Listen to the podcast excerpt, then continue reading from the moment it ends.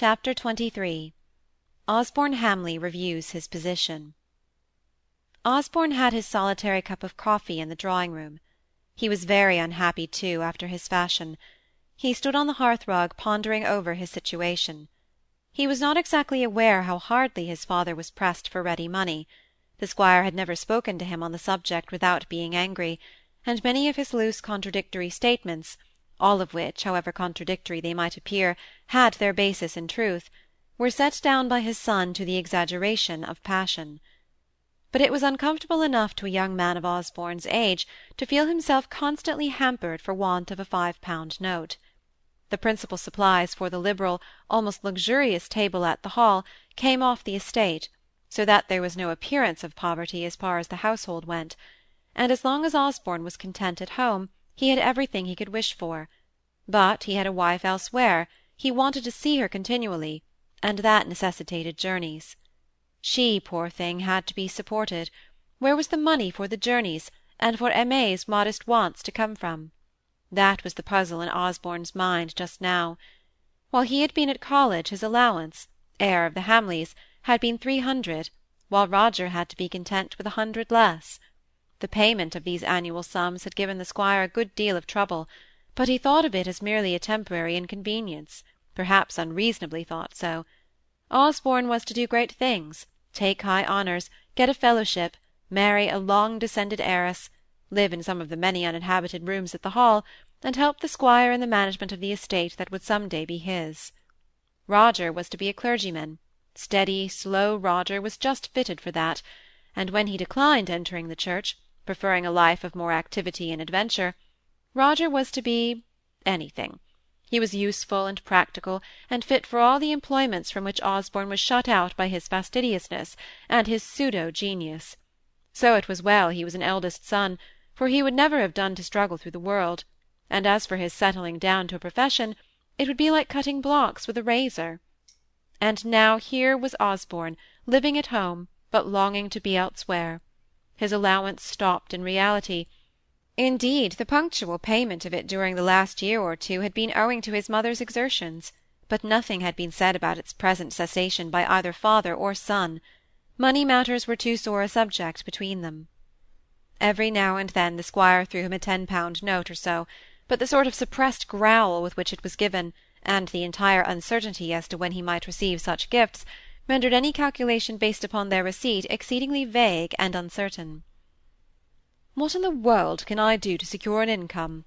thought Osborne, as he stood on the hearth–rug, his back to a blazing fire, his cup of coffee sent up in the rare old china that had belonged to the Hall for generations, his dress finished as dress of Osborne's could hardly fail to be. One could hardly have thought that this elegant young man, standing there in the midst of comfort that verged on luxury, should have been turning over that one great problem in his mind. But so it was. What can I do to be sure of a present income? Things cannot go on as they are. I should need support for two or three years, even if I entered myself at the Temple or Lincoln's Inn. It would be impossible to live on my pay in the army; besides, I should hate that profession. In fact, there are evils attending all professions. I couldn't bring myself to become a member of any I've ever heard of. Perhaps I'm more fitted to take orders than anything else. But to be compelled to write weekly sermons whether one had anything to say or not, and probably doomed only to associate with people below one in refinement and education. Yet poor Aimée must have money. I can't bear to compare our dinners here, overloaded with joints and game and sweets, as Morgan will persist in sending them up, with Aimée's two little mutton chops. Yet what would my father say if he knew I had married a Frenchwoman? In his present mood he'd disinherit me, if that is possible, and he'd speak about her in a way I couldn't stand. A Roman Catholic, too. Well, I don't repent it. I'd do it again. Only if my mother had been in good health, if she could have heard my story and known Aimée. As it is, I must keep it secret. But where to get money? Where to get money? Then he bethought him of his poems. Would they sell, and bring him in money? In spite of Milton, he thought they might, and he went to fetch his manuscript out of his room. He sat down near the fire, trying to study them with a critical eye, to represent public opinion as far as he could. He had changed his style since the Mrs. Hemans days. He was essentially imitative in his poetic faculty, and of late he had followed the lead of a popular writer of sonnets. He turned his poems over; they were almost equivalent to an autobiographical passage in his life. Arranging them in this order, they came as follows: To Aimée, walking with a little child. To Aimée, singing at her work. To Aimée, turning away from me while I told my love. Aimée's confession. Aimée in despair. The foreign land in which my Aimée dwells. The wedding ring. The wife. When he came down to this last sonnet, he put down his bundle of papers and began to think. The wife. Yes, and a French wife, and a Roman Catholic wife, and a wife who might be said to have been in service. And his father's hatred of the French, both collectively and individually, collectively as tumultuous brutal ruffians who murdered their king and committed all kinds of bloody atrocities, individually as represented by Boney and the various caricatures of the Johnny Crapaud that had been in full circulation about five and twenty years before this time, when the squire had been young and capable of receiving impressions. As for the form of religion in which Mrs. Osborne Hamley had been brought up, it is enough to say that Catholic emancipation had begun to be talked about by some politicians and that the sullen roar of the majority of Englishmen at the bare idea of it was surging in the distance with ominous threatenings. The very mention of such a measure before the squire was, as Osborne well knew, like shaking a red flag before a bull. And then he considered that if Aimée had had the unspeakable, the uncomparable blessing of being born of English parents in the very heart of England, Warwickshire, for instance, and had never heard of priests, or mass, or confession, or the Pope, or Guy Fawkes, but had been born, baptized, and bred in the Church of England, without having ever seen the outside of a dissenting meeting-house or a papist chapel, even with all these advantages, her having been a what was the equivalent for bonne in English? Nursery governess was a term hardly invented. Nursery maid, with wages paid down once a quarter, liable to be dismissed at a month's warning, and having her tea and sugar doled out to her, would be a shock to his father's old ancestral pride that he would hardly ever get over. If he saw her, thought Osborne, if he could but see her. But if the squire were to see Aimée, he would also hear her speak her pretty broken English, precious to her husband, as it was in it that she had confessed brokenly with her English tongue that she loved him soundly with her French heart, and Squire Hamley piqued himself on being a good hater of the French.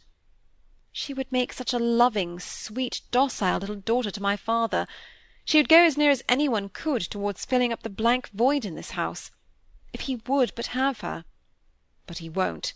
He never would. And he shan't have the opportunity of scouting her. Yet if I called her Lucy in these sonnets, and if they made a great effect, were praised in Blackwood and the Quarterly, and all the world was agog to find out the author, and I told him my secret, I could if I were successful, I think then he would ask who Lucy was, and I could tell him all then. If how I hate ifs! If me no ifs! My life has been based on whens, and first they have turned into ifs, and then they have vanished away.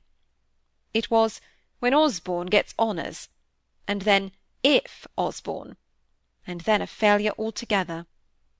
I said to Aimée, when my mother sees you, and now it is if my father saw her, with the very faint prospect of its ever coming to pass.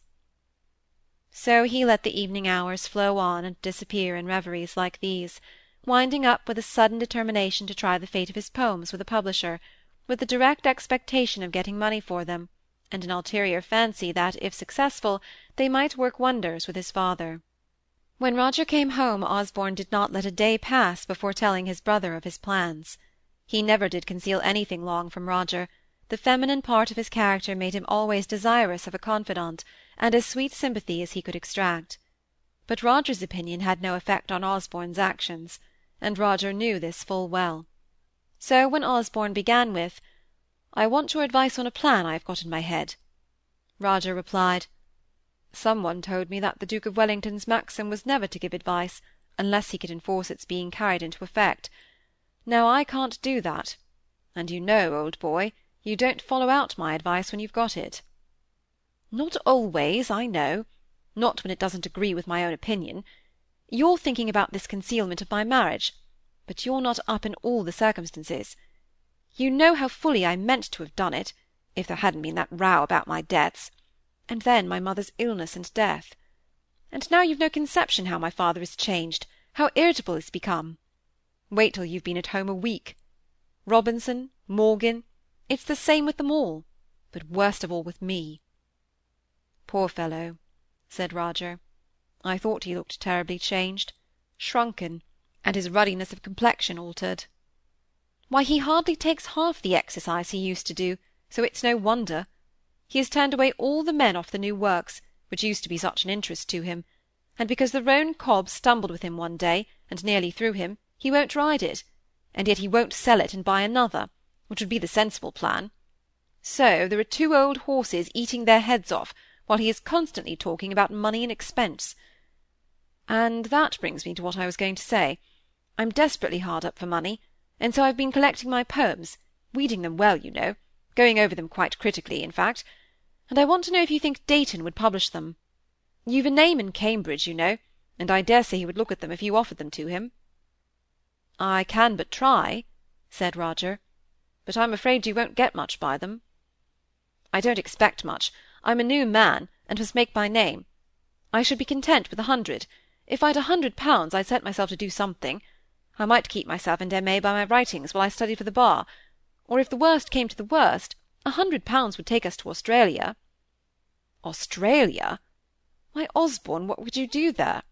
And leave my father? I hope you'll never get your hundred pounds, if that's the use you're to make of it. Why, you'd break the squire's heart. It might have done once, said Osborne gloomily, but it wouldn't now. He looks at me askance and shies away from conversation with me. Let me alone for noticing and feeling this kind of thing. It's this very susceptibility to outward things that gives me what faculty I have, and it seems to me as if my bread, and my wife's too, were to depend upon it. You'll soon see for yourself the terms which I am on with my father. Roger did soon see. His father had slipped into a habit of silence at meal-times, a habit which Osborne, who was troubled and anxious enough for his own part, had not striven to break. Father and son sat together, and exchanged all the necessary speeches connected with the occasion civilly enough, but it was a relief to them when their intercourse was over, and they separated, the father to brood over his sorrow and his disappointment, which were real and deep enough, and the injury he had received from his boy, which was exaggerated in his mind by his ignorance of the actual steps Osborne had taken to raise money.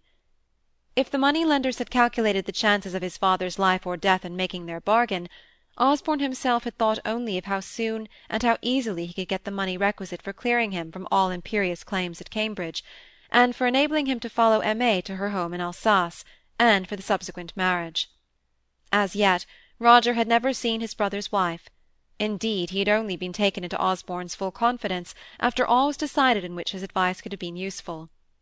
And now, in the enforced separation, Osborne's whole thought, both the poetical and practical sides of his mind, ran upon the little wife who was passing her lonely days in farmhouse lodgings, wondering when her bridegroom husband would come to her next.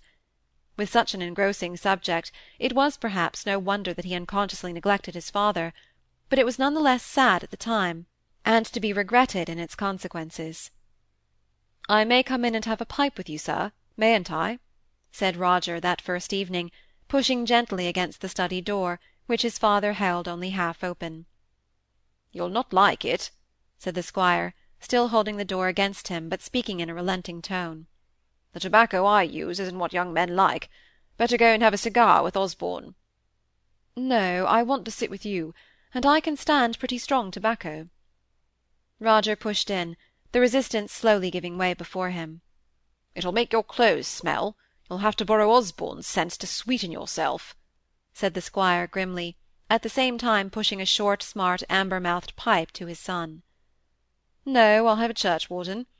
What, father, do you think I'm a baby to put up with a doll's head like this?" looking at the carving upon it. The squire was pleased in his heart, though he did not choose to show it. He only said, "Osborne brought it me when he came back from Germany. That's three years ago." And then for some time they smoked in silence.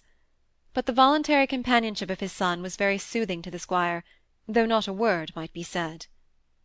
The next speech he made showed the direction of his thoughts. Indeed, his words were always a transparent medium through which the current might be seen. A deal of a man's life comes and goes in three years. I've found that out. And he puffed away at his pipe again. While Roger was turning over in his mind what answer to make to this truism, the squire again stopped his smoking and spoke. I remember when there was all that fuss about the Prince of Wales being made regent, I read somewhere—I dare say it was in a newspaper—that kings and their heirs apparent were always on bad terms. Osborne was quite a little chap then. He used to go out riding with me on White Surrey. You won't remember the pony we called White Surrey?" "I remember it, but I thought it a tall horse in those days." "Ah! That was because you were such a small lad, you know. I'd seven horses in the stable then, not counting the farm horses. I don't recollect having a care then. Except she was always delicate, you know. But what a beautiful boy Osborne was! He was always dressed in black velvet. It was a foppery, but it wasn't my doing, and it was all right, I'm sure. He's a handsome fellow now, but the sunshine has gone out of his face. He's a good deal troubled about this money, and the anxiety he has given you, said Roger, rather taking his brother's feelings for granted. Not he, said the squire, taking the pipe out of his mouth, and hitting the bowl so sharply against the hob that it broke in pieces. There! But never mind. I say not he, Roger. He's none troubled about the money. It's easy getting money from Jews if you're the eldest son and the heir. They just ask, How old is your father, and has he had a stroke or a fit?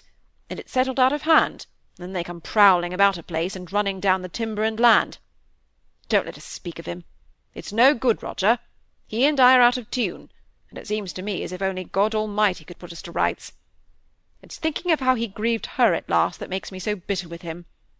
And yet there's a deal of good in him, and he's so quick and clever if only he'd give his mind to things. Now you were always slow, Roger. All your masters used to say so. Roger laughed a little. Yes, I had many a nickname at school for my slowness, said he. Never mind, said the squire consolingly. I'm sure I don't. If you were a clever fellow like Osborne yonder, you'd be all for caring for books and writing, and you'd perhaps find it as dull as he does to keep company with a bumpkin Squire Jones like me. Yet I dare say they think a deal of you at Cambridge, said he after a pause, since you've got this fine wranglership. I'd nearly forgotten that. The news came at such a miserable time. Well, yes, they're always proud of the senior wrangler of the year up at Cambridge. Next year I must abdicate. The squire sat and gazed into the embers, still holding his useless pipe-stem. At last he said, in a low voice, as if scarcely aware he had got a listener, I used to write to her when she was away in London, and tell her the home news. But no letter will reach her now. Nothing reaches her. Roger started up. Where's the tobacco-box, father? Let me fill you another pipe. And when he had done so, he stooped over his father and stroked his cheek. The squire shook his head. You've only just come home, lad. You don't know me as I am nowadays. Ask Robinson. I won't have you asking Osborne, he ought to keep it to himself. But any of the servants will tell you I am not like the same man for getting into passions with them. I used to be reckoned a good master, but that's past now. Osborne was once a little boy, and she was once alive, and I was once a good master. A good master. Yes, it's all past now. He took up his pipe and began to smoke afresh, and Roger, after a silence of some minutes, began a long story about some Cambridge man's misadventure on the hunting-field, telling it with such humour that the squire was beguiled into hearty laughing. When they rose to go to bed, his father said to Roger, "Well, we've had a pleasant evening. At least I have. But perhaps you haven't, for I'm but poor company now, I know. I don't know when I've passed a happier evening, father, said Roger. And he spoke truly, though he did not trouble himself to find out the cause of his happiness.